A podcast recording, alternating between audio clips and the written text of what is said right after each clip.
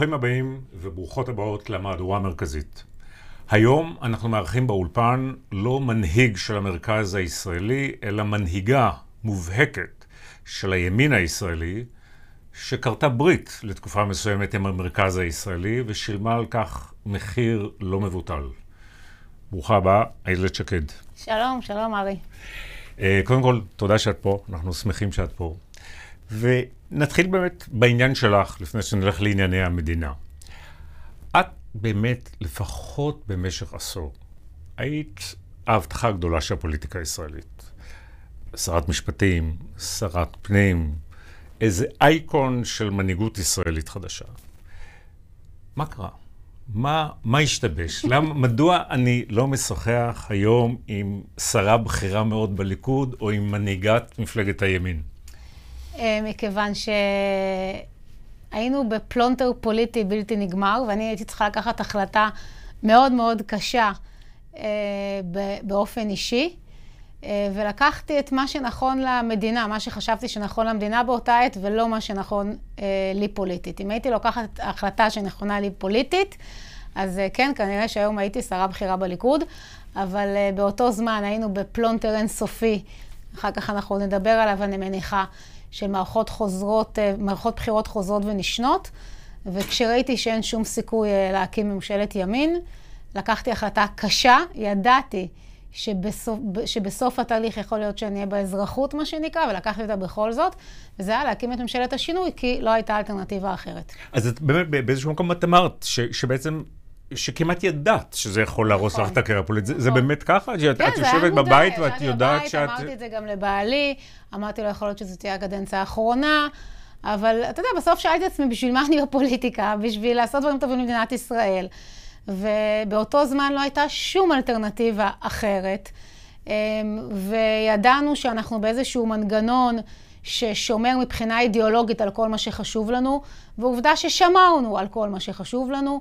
לא עשינו שום דבר, אה, שום מעשה שהוא נגד האידיאולוגיה של הימין, שבאמת, ש, ש, שציבור הבוחרים בחר בנו בשביל זה. אמ, וכן, עשיתי מעשה שידעתי שפוליטית הוא יהיה, יכול להיות הרסני. אז, אז באמת זה הנושא הראשון שלנו, כי אנחנו תכף נגיע להווה הדרמטי מאוד שלנו, אבל קודם כל במובן האישי שלך, אחר כך במובן הכללי, הניסוי הגדול הזה של ממשלת השינוי, היית mm-hmm. מאוד בכירה בו, הוא באמת הסיפור. הזה. אז אני כן אקשה לך עוד רגע בעניין האישי. גם אנשים שביקורתיים כלפייך, אני חושב שתמיד העריכו איזה משהו שאת אה, אומרת את האמת, שאחרים. לא אומרים. יש לנו כל כך הרבה פוליטיקאים שהם פייק. את, גם כשאת מאוד מרגיזה, ואז אז. כן. יש תחושה שאת, יש לך את העקרונות. יש לך את האומץ, את... אה, ופה כאילו היה מהלך שמבחינת אנשי הימין, חצית את הקווים ל"רק לא ביבי". זאת אומרת, כאילו... לא, כאילו... נכון. אנחנו, אני אף פעם לא הייתי רק לא ביבי, אבל uh, כשלא הייתה אפשרות להקים עם ביבי ממשלה, אז באמת הקמנו ממשלה עם חבורת רק לא ביבי. Uh, פשוט כי לא הייתה אלטרנטיבה אחרת. אז את נקלט לשטח האש. כן, זה נכון, נקלטתי לשטח האש, פשוט כי לא הייתה אלטרנטיבה אחרת. אני מאוד לא מאמינה ברק לא ביבי. אני חושבת שזה מה שהביא אותנו למצב שאנחנו נמצאים היום. אני חושבת שזה פספוס שלך בספר, ותכף נדבר על זה. אשמח לשמוע. אמ, כל המצב שאנחנו נמצאים בו היום, המצב הקיצוני, הכאוטי, בעיניי הכל נובע מהקידוש הרל"ב, הרק לא ביבי הזה. אם uh, לא הייתה uh, באמת uh, אוחזת את המרכז-שמאל, לא הייתה אוחזת את האידיאולוגיה הזאת, שלא נאמר בעיניי הטירוף הזה, שלא מקימים עם נתניהו ממשלה בשום מצב, אז לא היינו מגיעים לא לממשלת השינוי ולא לממשלה הזו. אני, אני חושב שאנחנו דווקא אולי עלולים להסכים פה, אבל, אבל אני רוצה לשמוע אותך יותר, כי זו אמירה מאוד משמעותית. אני... בעצם מה שאת אומרת, שהאובססיה נכון. של, של החרם על ביבי, נכון. לא ביקורת על ביבי שזה לגיטימי, לא ויכוח, לא ניסיון. להפיל אותו, אבל העניין הזה שזה בעצם נהיה הדת של המרכז-שמאל, נכון. שאיבד את הסוציאליזם וכבר לא, אין לו שלום, ובסוף... החרם על ביבי הפך להיות הכנסייה. נכון. את אומרת, זה, זה שורש כל רע. זה שורש כל רע, וזה בעיניי הפספוס של הספר שלך. קדימה. כי אתה מנסה פה בספר, בחוברת, לנסות להבין איך הגענו לקואליציה קיצונית כזו, והתשובה היא מאוד ברורה, ואתה לא מספיק מעמיק בה בספר. התשובה היא זה, האובססיית רק לא ביבי. כי אם לא הייתה את האובססיה הזאת, אז קודם כל היינו מצליחים להקים ממשלה עם גדעון סער, או עם איווט ליברמן, או עם גנץ, במערכת בחירות הקודמת, אה, הקודמת. הרי היינו גוש של 59, גוש ימין, והיה חסר, היו חסרים עוד שני מנדטים. נתניהו הכשיר את מנסור עבאס ואת התנועה האסלאמית כי לא הייתה לו ברירה, לא הייתה לו דרך אחרת להקים קואליציה. ומשבצלאל סמוטריץ' טרפד לו את הברית עם מנסור עבאס, אז נאלצנו להקים את ממשלת השינוי. אין סוף שיחות שלי עם גדעון סער, לנסות לשכנע אותו להיכנס לממשלה עם נתניהו. אם הוא היה מסכים, הייתה ממשלה הרבה יותר מאוזנת. זה היה אז עם גדעון סער ועם אלקין ועם יפעת ואיתי ועם בנט. ממשלת, ממשלת ימין אבל של 65 מנדטים מאוזנים ומרוסנים. אז, וזה אז... בעיניי אם כל חטאת, זה מה שהביא לממשלת, לממשלה צרה עם ערבים, וזה מה שהביא לממשלת הימין על מלא מלא, שלא עושה שום דבר שהוא ימין על מלא מלא, וזו כל הבעיה. אז, ואני אז... במערכת בחירות האחרונה הרגשתי שאני במובן מסוים הצדיקה היחידה בסדום. כי אף אחד בגוש הימין מתון מרכז שמאל לא היה מוכן להגיד על, אתה יודע, בדל שפתותיו שהוא יושב עם ביבי. ובימין כולם נאחזו אחד בשני ורק ימין על מלא מלא, ואני הייתי היחידה, היחידה מכל המפלגות, שאמרה בואו נקים ממשלה שמבוססת על הליכוד ועל המחנה הממלכתי ביחד. ועובדה, ארי, שלא היה לזה קונים. אנשים רצו להתבצר, ברק לא ביבי שלהם, ועכשיו הם באים בטענות, אבל זה הכל אשמתם. אז תשמעי, זה, זה, אני טורף... אתה לא יכול, אתה לא יכול להתווכח עם זה, כי לא, זה לא, העובדות. רגע, רגע, קודם כל, אתה כותב את זה כאן, אבל בקטנה, אבל זה לא בקטנה. זה מה שהוביל אותנו למצב שאנחנו נמצאים בו. אז קודם כל, בשביל הרקורד, רק בכל זאת, עליי, אני פרסמתי לפני, חצי שנה לפני הבחירות, מאמר בידיעות אחרונות, שקרא הקץ לחרם. נכון. ואהוד ברק הסתער עליי נכון. בפרוט על זה שחטאתי. האובססיה של אהוד ברק ושותפיו הביאה אותנו עד הלום. אז בואי, אבל כיוון שפתחנו את את זה, אז בואו בוא, בוא נלך לזה. תשמעי, את, אם מישהו מכיר את נתניהו, זה את. נכון. ואם מישהו סבל מנתניהו, זה את, את לא היחידה נכון. שם, אבל קיבלת... אה, החרם לא מוצק, הוא לא, הוא לא איזה נוכל נורא ומניפולטור שאכפת לו רק מעצמו, ולכן חובה לסלק אותו, וזה מקדש את כל האמצעים. בואו נעשה רגע סדר. גדעון סער ואיווט ליברמן הצטרפו לכת רק לא ביבי, לקבוצת רק לא ביבי, לא בגלל התיקים שלו, זה לא מעניין אותם, אלא בגלל שהם לא רצו לעשות איתו יותר עסקים, כי הם לא סמכו עליו. זאת הסיבה שהם לא, לא הסכימו יותר לעשות איתו קואליציה. אבל מה לעשות שהוא עומד בראש הליכוד? יש בחיים רצוי ויש מצוי, אתה יכול להיות צודק, אבל אתה צריך להיות חכם. ומכיוון שהוא זה שעומד בראש הליכוד, אם מחנה רק לא ביבי היה שם את טובת המדינה ורק טובת המדינה על כף המאזניים, אחרי שהיו את תוצאות הבחירות הקודמות, הם היו צריכים להבין שמה לעשות, יש לו 59 מנדטים ועדיף להקים ממשלה נורמלית ויציבה מאשר ללכת לכל מיני פתרונות קיצון. מה לעשות שהוא עומד בראש הליכוד והליכוד לא מחליף אותו? אז צריך לדאוג למדינה.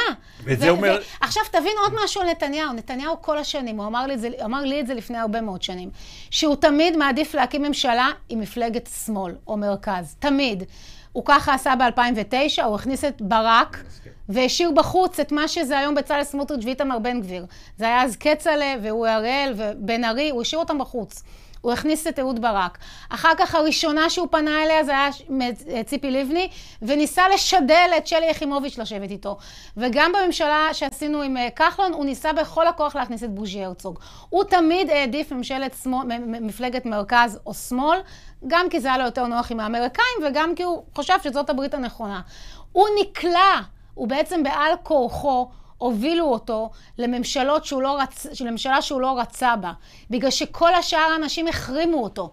זאת האמת, וכשאתה מדבר פה על איזושהי ברית ציונית, זה לא דבר חדש. זה לא דבר זה חדש. לא קרה. אבל זה לא קרה בגלל הרעלה, בגלל לא, המחנה הרב בסדר, לא, עוד נגיע לברית הציונית. אחרת זה, הרי כל השנים זה קרה. אני מת לדבר על הספר שלי ועל הברית הציונית, אבל... לא, אבל הגענו פה לנקודה שהיא נורא משמעותית. עם כל, תשמעי, בוא נדבר על זה רגע. בנימין נתניהו משגע את המדינה הזו 30 שנה. אנשים הם או נכון. אוהבים אותו, מעריצים אותו, או שונאים אותו. הוא, הוא הגדיר את הפוליטיקה, הוא, נכון. הוא רוקן את הימין מתוכן, את השמאל מתוכן, הוא הכל, נכון. הוא הכל דרך אגב, הדוגמה עכשיו... הכי טובה זה כשהוא רוצה ללכת עם מנסור עבאס, זה בסדר, אבל כשאחרים רוצים ללכת זה לא בסדר. בדיוק, בדיוק. אז, ו- ויש עשר דוגמאות. עכשיו שוב, את מכירה אותו, ו... ואת, אני לא רוצה להגיד שנרדפת על ידי סביבתו, אבל סבלת לא מעט. ויחד עם זאת, את מנסה לייצר איזו תפיסה אובייקטיבית יחסית. בסוף, בסוף, מה כוחו הגדול ומה חולשתו? אני לא רוצה להיות כאן פרשנית לענייני נתניהו. אתה רואה במציאות, בדיוק מה שאמרת, שיש ציבור גדול מאוד שרואה בו את חזות הכל, ושכל מה שהוא עושה זה בסדר, ולנתניהו מותר ללכת עם מנסור עבאס, ולנתניהו מותר לא לבנות ביהודה ושומרון, ולנתניהו מותר לעצור במשך שנים כל ניסיון לרפורמה משפטית, ולנתניהו מותר הכל. ויש חצי שני שחושב שהוא דמון, שהוא שורש כל הרע. ואתה יודע, בסוף, כמו בחיים, האמת היא באמצע, זאת האמת. עכשיו, אני אדם פרקטי. אני רואה שהוא זה שעומד בראשות הליכוד, ואני מכירה את הליכוד היטב. אף אחד בליכוד לא ידיח אותו. הוא עומד בראש המפלגה הגדולה, ואתה רואה שבחירות אחרי בחירות הוא מקבל בממוצע של 30 מנדטים. אז, אז, מה, אז מה עשה המרכז-שמאל? התאבד ודחף אותו להקים ממשלת ימין צרה. זה המשמעות של הרל"ב, זה המשמעות. אז בסוף... במקום את... להפנים ולהבין שגם אם הם היו רוצים מנהיג אחר, מה לעשות שהליכוד בחר אותו. ואתם, אם אתם באמת כל כך חושדים, מפחדים, אוקיי, אז תחשקו אותו בכל מיני, אה, כל מיני, אה, אתה יודע, בהסכם הקואליציוני, בכל מיני סעיפים. אתה יודע, כש, כשהוא וגנץ הקימו יחד ממשלה, זה לא עבד בשום צורה, בגלל הפריטטיות. הוא לא היה מוכן להתחלק בשלטון עם מישהו אחר. אבל לפני שנתיים, אם היינו מקימים ממשלה של אז, אז זה היה ימינה עם בנט ואיתי ועם מתן כהנא ועם מה שהיום נקרא גוש הימין ועם גדעון סער או עם איווט ליברמן או עם בני גנץ או עם כולם, אז הייתה ממשלה נורמלית. אבל הוא נוכל, הוא נאשם, הוא יש פרשות, הוא, אבל הוא שוחד ומרמה והפרעת. אבל אמרתי לך שזה מעניין לליברמן ולגדעון סער את הסבתא, אוקיי? זה לא מעניין אותם התיקים שלו. הם לא יושבים איתו כי הם לא סומכים עליו, הם חושבים שאי אפשר לעשות איתו הסכמים. זו הסיבה, בסדר? וזה נכון שיש איזה, אתה יודע, בשמאל יש חלקים שבגלל כתב האישום לא מוכנים. אבל בוא אני אזכיר לך, החרם על ביבי די התחיל עוד לפני, ב-2015, שבוז'י הרצוג רצה להיכנס לממשלת נתניהו, די עשו לו את המוות, הוא פחד לעשות את הצעד הזה.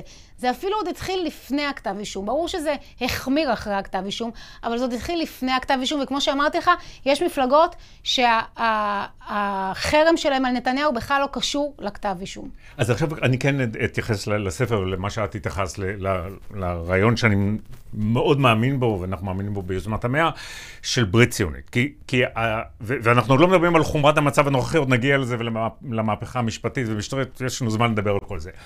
אבל כולנו מבינים שאנחנו בצרה מאוד גדולה, באיזה פילוג גדול, ומה שאני מאמין בו, ואני רוצה לשמוע את דעתך, זה שהדרך לצאת מהפלונטר הזה, זה ברית בין הציונות הליברלית, הציונות הלאומית והציונות הדתית המתונה. זאת אומרת, לא להדיר אף אחד, לא להדיר ערבים ולא להדיר חרדים. אבל לבנות את הפוליטיקה מהמרכז הציוני. זאת אומרת, אם תהיה לנו ברית של כל מי שמשרת בצבא, ועובד, ולומד, ומשלם מיסים, ומאמין במדינה יהודית דמוקרטית, יש לך מסה של 70% מהישראלים, שאז הם יכולים להיות גם מוקדים כלפי האחרים. אם נבנה את הפוליטיקה הזו, נשתחרר מה, מהמלכוד הזה שאת מתארת אותו, ונוכל לצאת לזה משהו יותר נשאר. אבל הם לא משתחררים, הם ממשיכים עם הרל"ב שלהם. כל עוד הם מחרימים את נתניהו, וכל נתניהו עומד בראש הליכוד, אז, אז אין לזה מוצא. אז היית מוכנה לקבל ברית ציונית אם אין בה חרם על נתניהו. אז אני רוצה להסביר לך מה, שנייה מה זה ברית ציונית. אה, או, או, או מה הרצוי ומה המצוי. בסוף, אה, אתה לא יכול להתעלם מהעובדה שיש גוש ימין ויש גוש שמאל. ובסוף החרדים בשנים האחרונות, ב-20 שנה האחרונות, הם שותפים של הליכוד. ולכן בוודאי את החרדים וגם את, הצ... את הציבור הדתי-לאומי, אי אפשר להדיר מהברית הזאת. וזה לא נכון שאתה אומר, קודם שנתניהו יחתום הסכם קואליציוני עם uh, גנץ או לפיד, ורק אחר כך נספח את החרדים. אתם צריכים להבין שהיום הליכוד והחרדים והציבור הדתי-לאומי הם בני ברית, ו... והם צריכים לעשות ברית וממשלה יותר רחבה עם חלקים מהמרכז. אבל אז את מציגה את הטרלול. כי אז לא התוצאה לא היא שגולדקנופ וסמוטריץ' ובן גביר שולטים בפוליטיקה לא, הישראלית. כי אתם, זה מה שאת עושה. אז יש ממשלה רחבה. הממשלה לא תלויה בכל מפלגה. ברגע שהממשלה היא ממשלה של 70 נניח, אוקיי? אז אף מפלגה לא יכולה לסחוט את מה שנקרא את המפלגה המרכזית, את הליכוד. כי יש לך ממשלה רחבה, והמפלגות הקטנות בעצם מאבדות את כושר המיקוח שלהם, כי אפשר גם בלעדיהם. ואז כל אחד חוזר לגודלו הטבעי. אבל הרצון שלך להתחיל דווקא לא, אני אכריח את הליכוד לסגור קודם עם יש עתיד, ואחר כך בוא נראה מי יצטרף. אני רוצה להכריח גם את יש עתיד לסגור עם הליכוד. לא, אני, לא משנה. אני אז, אז. אני אומרת לך, בוא תהיה ריאלי, בסדר? בפוליטיקה הישראלית יש את, ה, את הליכוד ואת המפלגות החרדיות ואת הציבור הציוני-דתי, והם צריכים לעשות שותפות עם המרכז הישראלי, כך שלאף מפלגה לא תהיה יכולת להפיל את הממשלה לבדה. ואז אנחנו חוזרים באמת לניהול תקין של מדינה. אה, טוב, נ- נסכים לא להסכים, כי בעצם מה שאת אומרת זה ששלטון הימין לעד, וגם במחיר, שבעצם אה, אתם בידי קיצונים. אתם בידי אבל אני הקיצונים מסבירה האלו. לך שלא, שברגע שהמרכז או המרכז-שמאל ישיל מעליו את האיוולת הזאת של החרם על נתניהו, הם יהיו חלק מהממשלה, ואז לא החרדים יכולים להפיל את הממשלה, ולא הנציגים של הציבור הדתי-לאומי יכולים להפיל את הממשלה, ולא אף אחד לא יכול להפיל את הממשלה. בואו בוא נדבר על הממשלה הזו, כי לאנשים כמוני, ואני חושב שחלק גדול מהצופים והמאזינים שלנו, ואנשי מרכז, ודאי אנשי שמאל, חיים ב... ב באמת בבהלה, לא בתבהלה, אלא בבהלה, זאת אומרת, בתחושה ש, ש, שהכל בסכנה, הדמוקרטיה בסכנה, הממלכתיות בסכנה. Uh, הממשלה הזו של גולדקנופ וסמוטריץ' ובן גביר וחבורה מאוד מאוד קיצונית בתוך הליכוד, היא, היא, היא, היא, היא, היא נראית מזעזעת ו- ומובילה אותנו ל... ל... אני לא רוצה להגיד לאבדון, אבל לסכנות מאוד גדולות. זו היסטריה? זו תבהלה, או שאת מבינה את הסנטימנט הזה? אני אולי מהאנשים הבודדים שחי בשני העולמות, כי העולם הפוליטי שלי נמצא בימין, באנשי הקואליציה, והעולם שבו אני חיה, הסביבה שלי, מכיוון שאני נולדתי, גדלתי ואני חיה בצפון תל אביב, ובעלי הוא, הוא טייס, אז אני מבינה וחיה ורואה את הבהלה שדיברת עליה. תל אביבית שיצאה לתרבות רעה. כן, אני, אני ככה גדלתי מגיל צעיר. מגיל צעיר אני אוחזת באותן דעות. ולכן אני באמת מהאנשים הבודדים ש, שמבינה ורואה את, את שני העולמות. אתה שואל אותי אם הממשלה הזאת עשתה דברים רעים למדינה, היא עשתה. אנחנו רואים את הכלכלה, מה קורה בכלכלה הישראלית. אני גם היום בעולם העסקים, אני רואה אני רואה את עצירת ההשקעות, זה לא סתם, זה לא פלופ. היום ישראל, אם מפעם הייתה מדינה מאוד נחשקת, היום זו מדינה שיש בה בלאגן. וכשאדם, בטח בהון סיכון, רוצה להשקיע במשהו, אז תמיד יש סיכון בהשקעה, ועכשיו הוא חושב שיש עוד יותר סיכון, גם נדבך של יציבות, אז הוא אומר, ישראל, it's a big mess now, אנחנו לא רוצים להשקיע. ולכן בוודאי שיש בעיה. הם חטאו בחטא היוהרה. ברגע שהם קיבלו 64 מנדטים, הם חשבו שהם יכולים לעשות כל מה שהם רוצים, איך שהם רוצים, ובכן, זה לא המצב. הם הבינו די באיחור שזה לא המצב, ואני אומרת לך שהרפורמה הזאת מתה. מה שיריב לוין הציג לא יקרה. במקרה הטוב שלהם הם יעשו משהו דרדלה שבדרדלה, וזה צמצום של עילת הסבירות. וקציבת היועמ"שים, בוא אני אסביר לך, הם כבר קצובים. היועמ"שים כבר היום בהחלטת ממשלה קצובים לשבע שנים. כדי ליישם את זה צריך רק לסדר להם הסדר פנסיוני. ככה שאם הם יעשו משהו, זה בסך הכל יהיה צמצום עילת הסבירות, שזה דבר שכולם יכולים להסכים עליו. ככה שמבחינת מעשים, כן, אחרי שהם התפארו וחשבו שהם הולכים לעשות מהפכות, הם יעשו דברים מאוד מאוד צרים וקטנים, ובסוף גם יריב לוין יצטרך לאמץ את שיטת שקד, ואתה תראה שהוא ילך לנסיעה ויגיע איתה להסכמות ולדיל על שופטי בית המשפט העליון. את הוועדה לבחירת שופטים הם לא ישנו. אז רגע, יש פה שוב כמה דברים שאני, שפתחת ואני רוצה להיכנס ב, ב, ב, בכל אחד ואחד מהם. בוא, בוא, בוא, בוא נתחיל דווקא בעניין הפוליטי. אם אמנם כך, והממשלה כל כך הגזימה והקצינה וחטאה ביוהרה, ימיה ספורים? לא, אני חושבת שהיא תחזיק מעמד ארבע שנים. אני מכירה היטב את כל הנפשות הפועלות. בוא תחזרי על המשפט ש... שאני אבין. את אומרת שאת מעריכה שהממשלה, ממשלת נתניהו, לוין, סמוטריץ', מחזיקה ארבע שנים. שלוש, ארבע שנים, כן. למה? למה? כי אני מכירה היטב את הנפשות הפועלות, ואני מכירה היטב את הסביבה של הנפשות הפועלות. ואף אחד מהם לא ייקח על הכתפיים שלו הפלה של ממשלת ימין. ולכן, למרות שהם לא יעשו שום דבר במשרדים שלהם שמצדיק את השם ממשלת ימין, הם יישארו במקום, יישארו בכיסאות, אתה תראה שלא יקרה שום דבר מהרפורמה, אבל אף אחד לא יתפטר, ואף אחד לא יפרוש בממשלה. אמ, ו... וזה מה שיקרה, אין להם גם אלטרנטיבה אז, אחרת. אז, אז את אומרת גם דבר חלק נורא מהמפלגות שם יודעים, כן, אה, המפלגות כמו של בן גביר או של סמוטריץ', יודעים שאין אין להם אלטרנטיבה אחרת. ולכן הם אה, ירצו להישאר שרים, וירצו להישאר בכיסאות, ולכן הם פשוט יישארו בממשלה. אז בעצם את אומרת, הרפורמה מתה, הממשלה חיה. בדיוק. וחיה בדיוק חיה טוב, אומרת. חיה טוב. בדיוק. היא חיה לאורך ימים. ואז, ואת אומרת שאנחנו בכל זאת, בגלל ההתנהגות שלהם וכן הלאה, אז המחיר הכלכלי שאנחנו משלמים הוא גבוה. המחיר כרגע שאנחנו משלמים הוא גבוה מאוד. הוא לא סתם גבוה, הוא גבוה מאוד. הם עשו טעויות פטאליות בהתנהלות, הוא גבוה מאוד. אה, אתה יודע, צריך לראות עכשיו אם הם יתקנו מה שנקרא לאחור. זה דברים שאפשר לתקן, לוקח זמן, אתה יודע, להרוס זה נורא מהר. להרוס רפיוטיישן, להרוס שם זה מאוד מהר. לבנות אותו זה לוקח הרבה זמן. אבל השם של ישראל היה מאוד מאוד טוב, גם ברמה הטכנולוגית, ברמה הכלכלית, ברמה הצבאית. באמת, היה למדינת ישראל, כולם רצו להתקרב אליה, ועכשיו כולם רוצים להתרחק ממנה. אה, זה לא סתם שנתניהו לא מוזמן לביקור אצל MBZ, זאת האמת. ואני מקווה שזה ישתנה בשביל אז, אז, לטובת אז, המדינה. בוא, אז בוא נלך, אז דיברנו כלכלי, בוא נלך לנושא הבא. תסכים איתי שאיתמר בן גביר הוא, הוא שר ביטחון פנים הכי נורא שיכול להיות? זאת אומרת שזה, אנחנו מדברים, הרי לכם אכלו את הכבד על עניין המשילות וחוסר הביטחון. אנחנו עכשיו בפי שלושה הרוגים, אנחנו במצב שכאוטי לחלוטין, אין שום תפקוד ושום מענה. כלום, צריך להגיד את האמת, בתקופת ממשלת השינוי, המצב מבחינת ביטחון פנים היה הרבה יותר טוב ממה שהוא היום.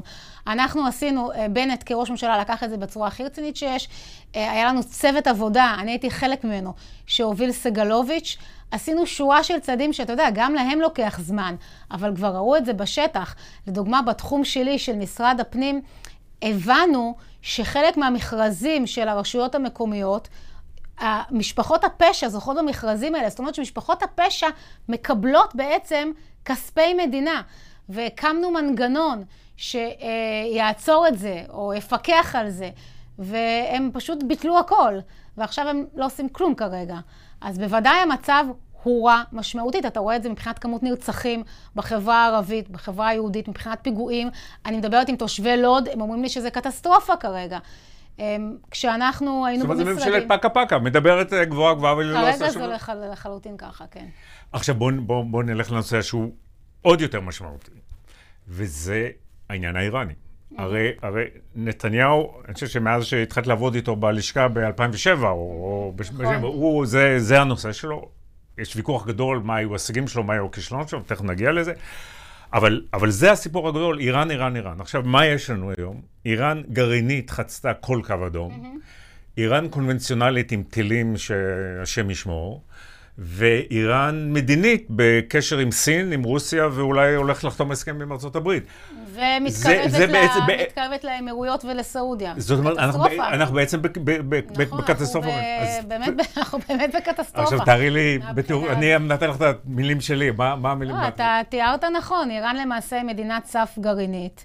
אה, בדיעבד מבינים שהעובדה שממשל טראמפ בלחץ של נתניהו משך את ההסכם, בעצם יצא מהסכם הגרעין ולא הייתה שום אלטרנטיבה במקום זה. אה, זה רק עשה נזק, ואיראן הרשתה לעצמה לפרוץ קדימה. כרגע האמריקאים מדברים על less for less, זאת אומרת, הסכם שהוא הרבה פחות מחייב והרבה פחות טוב, ולמעשה בכל נקודת זמן האיראנים יוכלו אה, תוך אה, כמה חודשים להגיע לפצצה גרעינית, זה רק יהיה עניין של החלטה. ולכן במובן הזה, אם נתניהו רצה במהלך שנות כהונתו, שזה הרבה מאוד שנים, אה, הוא רצה למנוע מאיראן אה, להגיע לנשק גרעיני, הוא למעשה לא הצליח, כי איראן היא מדינת סף גרעינית היום. ואנחנו רואים גם שיש התקרבות של איראן לסעודיה ולאמירויות. אנחנו קיווינו לעשות הרי ברית של המדינות, של ישראל למדינות הסוניות המתונות. אבל פה גם בגלל צעדים של ארצות הברית, אה, סעודיה והאמירויות מתקרבות לאיראן, וזה רע מאוד. אה, ולכן המצב כרגע הוא הכי רע שיכול להיות. זאת האמת, אנחנו צריכים להבין את זה. צריכים להבין שיכול מאוד להיות שאנחנו בעידן חדש, שבו איראן היא למעשה גרעינית.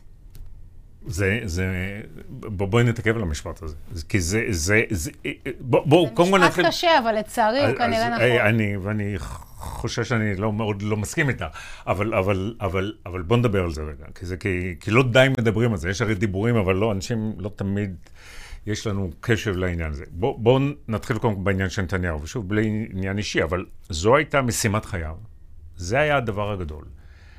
בעצם במשימה הכי חשובה, הוא נכשל. Uh, כרגע כן, נכון. ויש עוד חשש... הוא נכשל ב- יש, ב- ב- מול איראן, הוא נכשל. יש עוד חשש שעכשיו אה, הרצון לנורמליזציה עם סעודיה, שגם שם נשלם שני מחירים מאוד מאוד כבדים. מחיר אחד שאסור בשום אופן להסכים לו, זה שסעודיה תהפוך למדינה גרעינית אזרחית. הם רוצים להיות מדינה גרעינית אזרחית. בשום אופן אסור להסכים לזה, כי אם יש להם יכולות של, אתה יודע, של העשרת אורניום וגרעין, אז אנחנו יודעים לאן הם יכולים להגיע.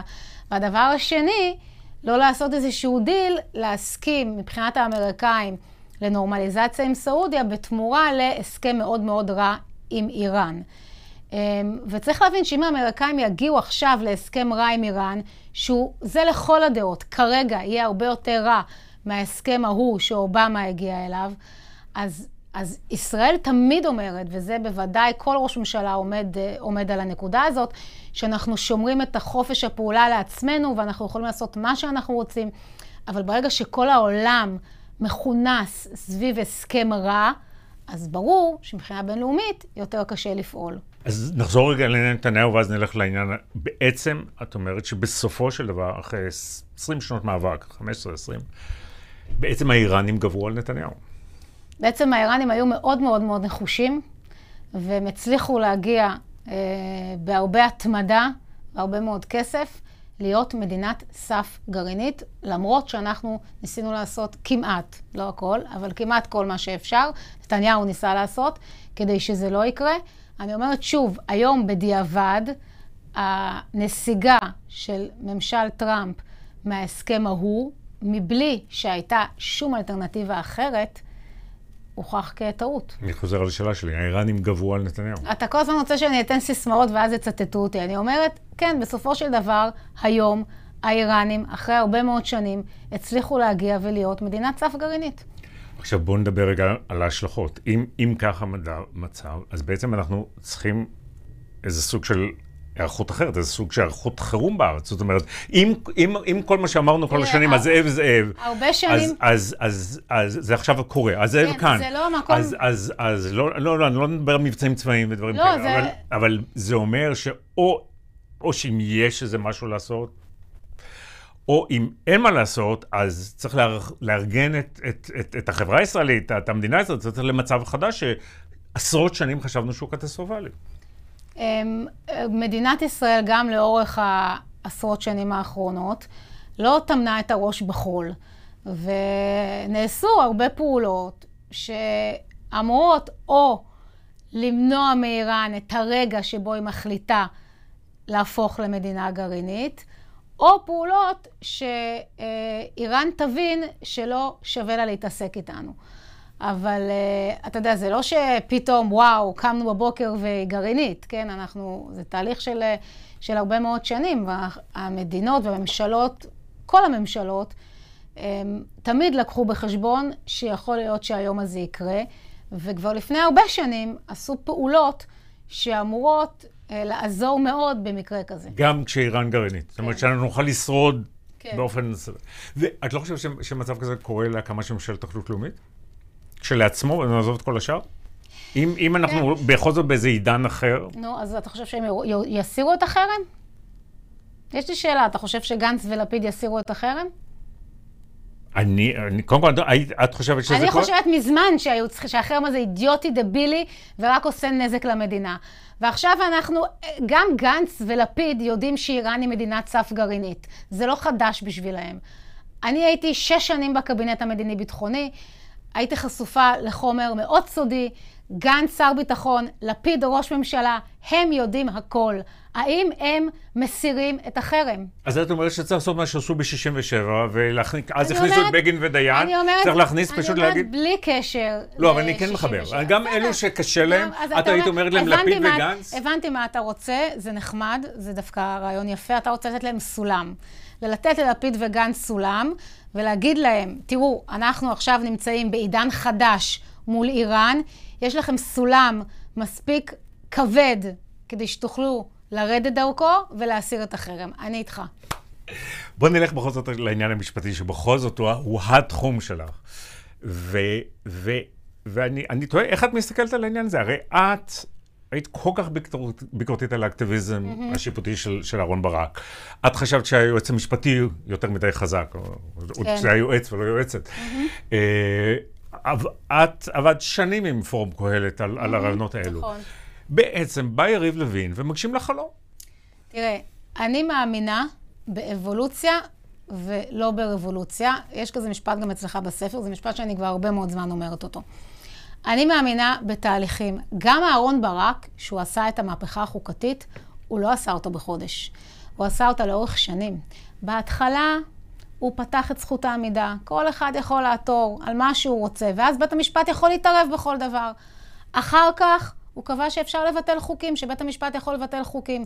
הוא בעצם בעצמו כונן איזשהו סוג של סמי חוקה. ומתישהו הם גם הרחיבו מאוד את עילת הסבירות. ולאורך הרבה שנים הם, הם חיזקו את מעמדו של היועץ המשפטי לממשלה, מכיוון שאין חוק בכלל של היועץ המשפטי לממשלה, אז כל הסמכויות שלו והעובדה שרק דעתו היא מחייבת, זה הכל בפסיקה. והם עשו תהליך על פני עשרות שנים. ופרופסור דניאל פרידמן התחיל מהפכת נגד. אני חושבת שאני הייתי העוגן המשכת אותה הכי באופן יותר מרכזי. אפקטיבי. בדיוק, הכי אפקטיבי ומרכזי במהפכת הנגד. ומה שאני אמרתי זה את הדבר הבא. בסוף, הכי הכי חשוב זה זהות השופטים. ואם רוצים לעשות שינוי, צריך להפוך את בית המשפט העליון למרוסן יותר ושמרן יותר. כי בסוף לא משנה מה כתוב בחוק, השופט יכול להגיע לפסיקה שהוא רוצה בכל דרך. הדוגמה הכי טובה זה הפסיקה של דרעי. יש שופטים, כל השופטים חשבו שהוא לא יכול להיות שר. חלק מהשופטים השתמשו בעילת הסבירות, וחלק אחר שמתנגד לעילת הסבירות השתמש בהשתק שיפוטי, והשופט אלרון אמר בוא ניתן לוועדת הבחירות להכריע. בעצם כולם כביכול הכריעו אותו דבר, כל אחד בדרך אחרת. ולכן אני תמיד אומרת שהדבר הכי חשוב זה זהות השופטים. ואני שמתי לעצמי למטרה לעשות, שיהיה לי כוח בוועדה, עשיתי מהלכים פוליטיים כדי שיהיה לי כוח בוועדה. עשיתי מה שנקרא שחמט בשני מהלכים. פניתי לנציג אופוזיציה שהיה עם דעות שלי וחבר שלי, רוברט אילטוב, איש ימין, באישור איווט ליברמן. אמרתי לו, רוברט, אנחנו הולכים לבחור בך לנציג האופוזיציה. הוא אמר לי, מעולה, מסכים. ככה הוא נבחר. אז השתלטת לוועדה בדרכי נועם. כן, אבל, אבל זה בסדר, עבדתי לפי החוקים. ובאמת עשיתי את השותפות המפורסמת עם לשכת עורכי הדין. אבל עדיין, בשביל להגיע, ל, בשביל לבחור שופטים לעליון, בגלל חוק שר, הייתי צריכה את ההסכמות של הנשיאות. והגעתי להסכמה עם נאור, זה לא היה פשוט. בהתחלה הם לא רצו את השופט אלרון, זה לא סוד. זה לא היה פשוט, בסוף הצלחנו. ואותו דבר עם הנשיאה אה, חיות על, אה, על שטיין ועל גרוסקופ. גם שם זה לא היה פשוט, אבל בסוף הצלחנו. בעצם שינית את ההרכב של בית המשפט להרבה יותר שמרני. זאת אומרת, נכון. כל שמרני שקודם לא היה. נכון, במסגרת כללי אבל אם, אמנם המשחק. כך, אז הטענות היום של הימין הן מוגזמות, הן מיושנות. זאת אומרת, הטענות שזה מועדון של, סגור של ליברלים, הן אולי היו נכונות לפני עשר שנים, הן לא נכונות זה היום. נכון שהיום בית המשפט הוא הרבה יותר מגוון.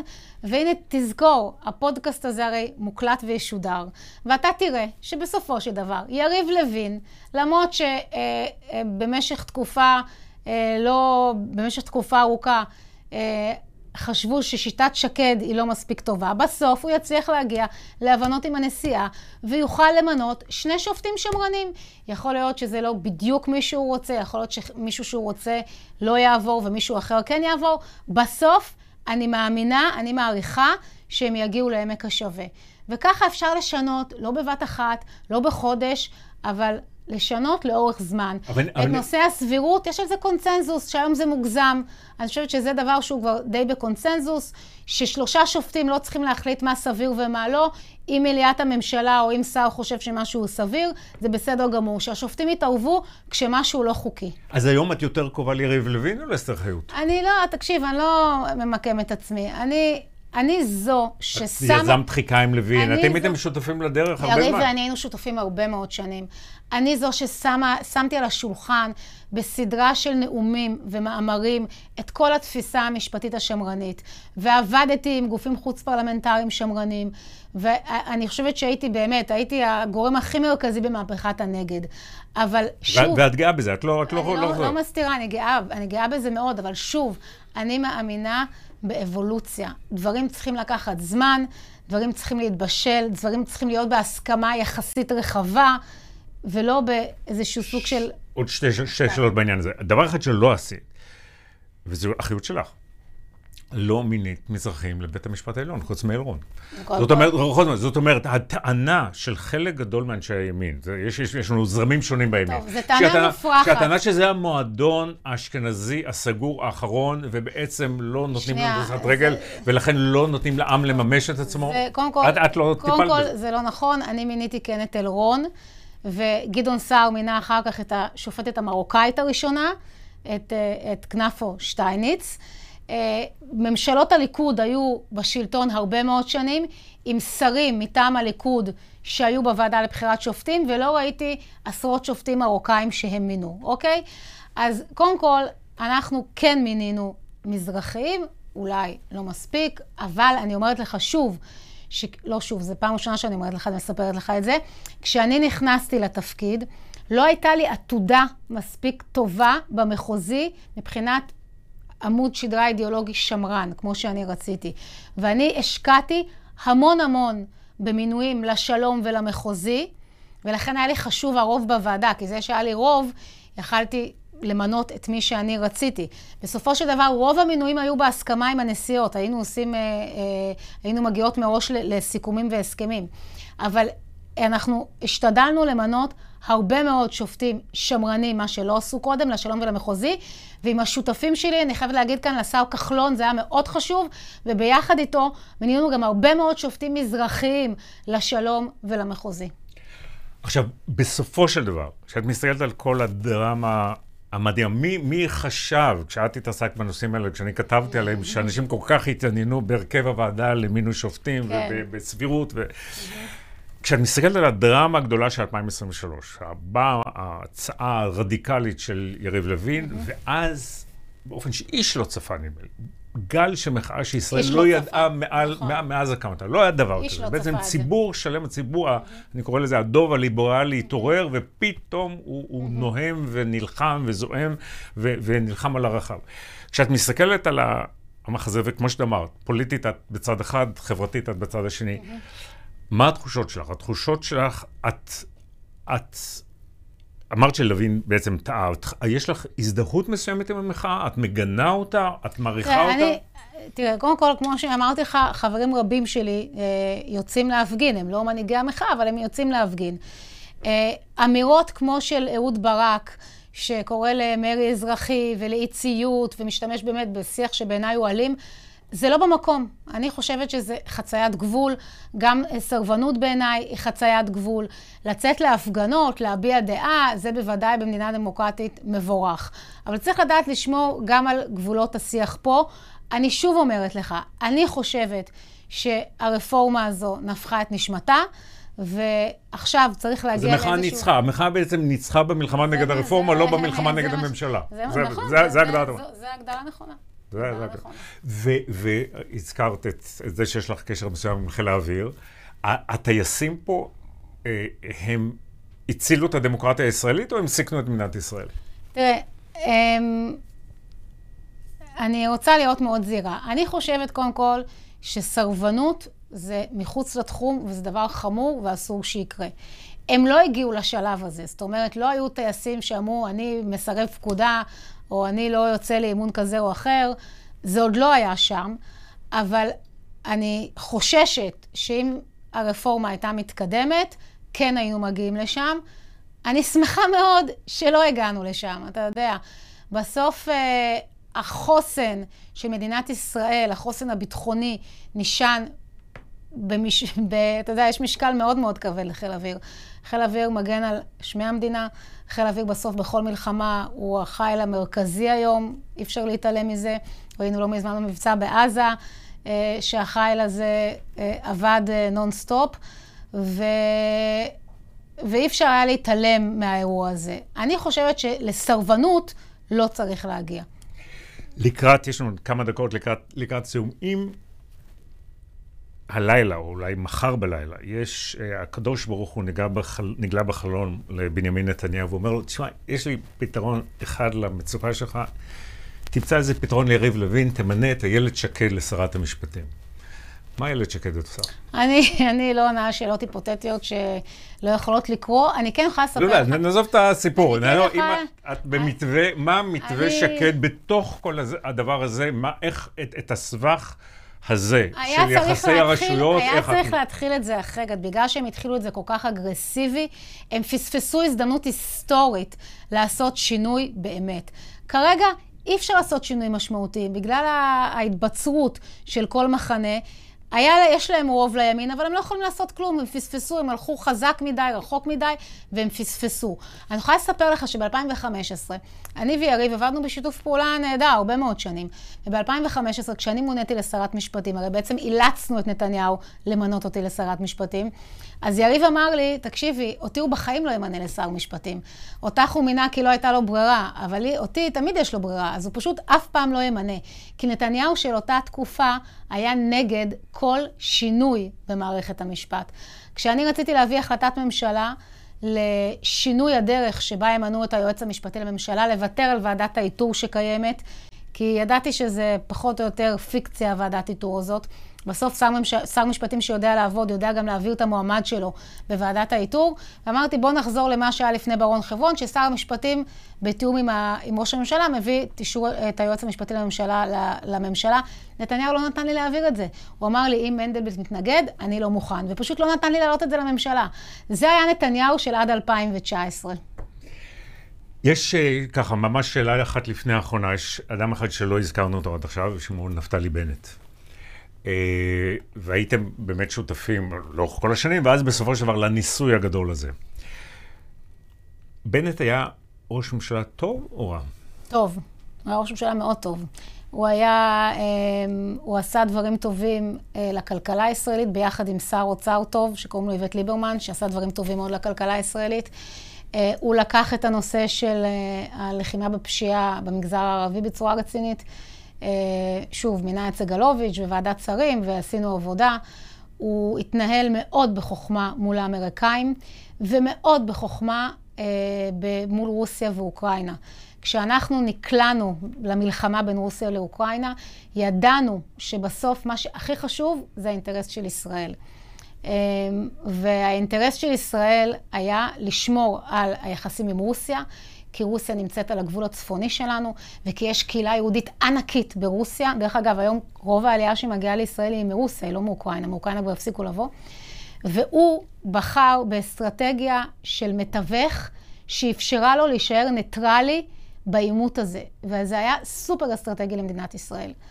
אמ, ולכן אני חושבת מהסיבות האלה ועוד אחרות שהיה ראש ממשלה טוב. אז אם כל כך טוב, למה כל כך רע? הרי בסופו של דבר, כל הכאוס שאנחנו נמצאים בו הוא תוצאה של הכישלון של הניסוי שלכם. זאת אומרת...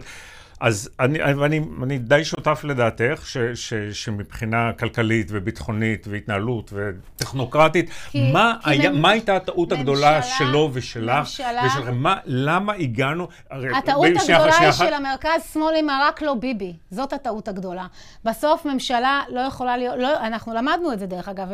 הציבור, אי אפשר להקים ממשלה צרה שנשארת על מפלגה ערבית. זה לא יקרה יותר, כן? אז זה, זה לא יקרה יותר. אז הלקח שלך מהכישלון הזה, שתלות בערבים בצורה לא יקרה, לא יקרה. לא יקרה, זה, אבל... אז במובן זה זה כן ברית ציונית. זאת אומרת, צריך יהיה לחפש, אבל... צריך לחפש... אבל, איזשהו... כן, אבל אני אומרת לך שאם כל חטאת, זה מחנה הרל"ב. תשתחררו מזה. ואם אתה נותן להם סולם בדמות איראן גרעינית, אז שיהיה סולם בדמות איראן גרעינית. אבל ב- ב- ב- באמת, כאילו, תראי מה קרה. קיבלנו ממשלה בוא נסכים, טובה למדי לשנה וכמה חודשים. אבל התוצאה בעצם שאת הימין האינטליגנטי והאיכותי והערכי אה, איבדנו, אני לא יודע לכמה זמן, ובעצם במקום בנט קיבלנו סמוטריץ', ובמקום איילת שקד קיבלנו טלי גוטליב. זה, זה, שם אנחנו נמצאים היום. אמ, כן, תראה, בסופו של דבר, אמ, זו המציאות כיום, נכון? הרי אם הייתה קמה ממשלת ימין לפני שנתיים, זה היה בנט, שקד, מתן כהנא, גדעון סער, אלקין, יפעת, זאת הייתה הממשלה. והיום יש לך בן גביר, סמוטריץ', אה, טלי, וזאת המציאות. אבל זה מה שהציבור בחר, אתה יודע, אני אמרתי לך שוב, אני לא הסכמתי לוותר. כשבנט הודיע שהוא פורש, אני לא הסכמתי לוותר ולא הסכמתי להשאיר את הימין ואת הציבור הציוני-דתי בידיים של אה, סמוטריץ' ובן גביר בלבד. אבל הקמפיין שהם עשו לנו על הראש במשך שנה וחצי, שכמעט כולו היה שקרים מוחלטים, היום גם רואים את זה, הציוצים שלהם מאותה תקופה היום הרי מגוחכים. כן, הם האשימו, כשהיו פיגועים, הם האשימו את דם הנרצחים על הידיים שלנו, קראו לנו תומכי טרור. היום יש יותר נרצחים ממה שהיה בתקופתנו. אז מכונת הרעל הרילה לכם את הממשלה. איילת שקד, תחזרי, בבחירות הבאות את תרוצי? אני לא יודעת, זה עוד הרבה זמן, אמרתי לך, זה שלוש-ארבע שנים. והתחושה, אה, זה משהו שאפשר לשחרר ממנו, או שהצורך הזה לחזור אה. ולהשפיע ולהגיע לצמרת הוא... ימים יגידו, אני כרגע אה, מאוד נהנית במה שאני עושה, אני גם עובדת בחברת נדל"ן, כיושב ראש חברת קרדן נדל"ן, וגם נותנת הרצאות בעולם. כל חודש אני נמצאת בקהילה יהודית אחרת, זה מרתק. אני למעשה על תקן שרת התפוצות וההסברה, עוברת מקהילה לקהילה ומסבירה. באמת, אתה יודע, ברגע שאני בחו"ל, אז אני, מה שנקרא, רק, כמעט רק מחמיאה למדינת ישראל. אה, ביקורת בעיניי צריך להשמיע בארץ, אה, לא בחו"ל, ואני מאוד נהנית מזה. איילת שקד, תודה רבה לך. תודה רבה. ותודה לכם שהייתם איתנו במהדורה המרכזית. אנחנו נמשיך בשבועות הקרובים את המסע שלנו בעקבות רעיונות ורעיונות. שמעשירים את השיח הישראלי ותורמים להיווצרותו של מרכז משמעותי ישראלי. תודה רבה לכם. thank you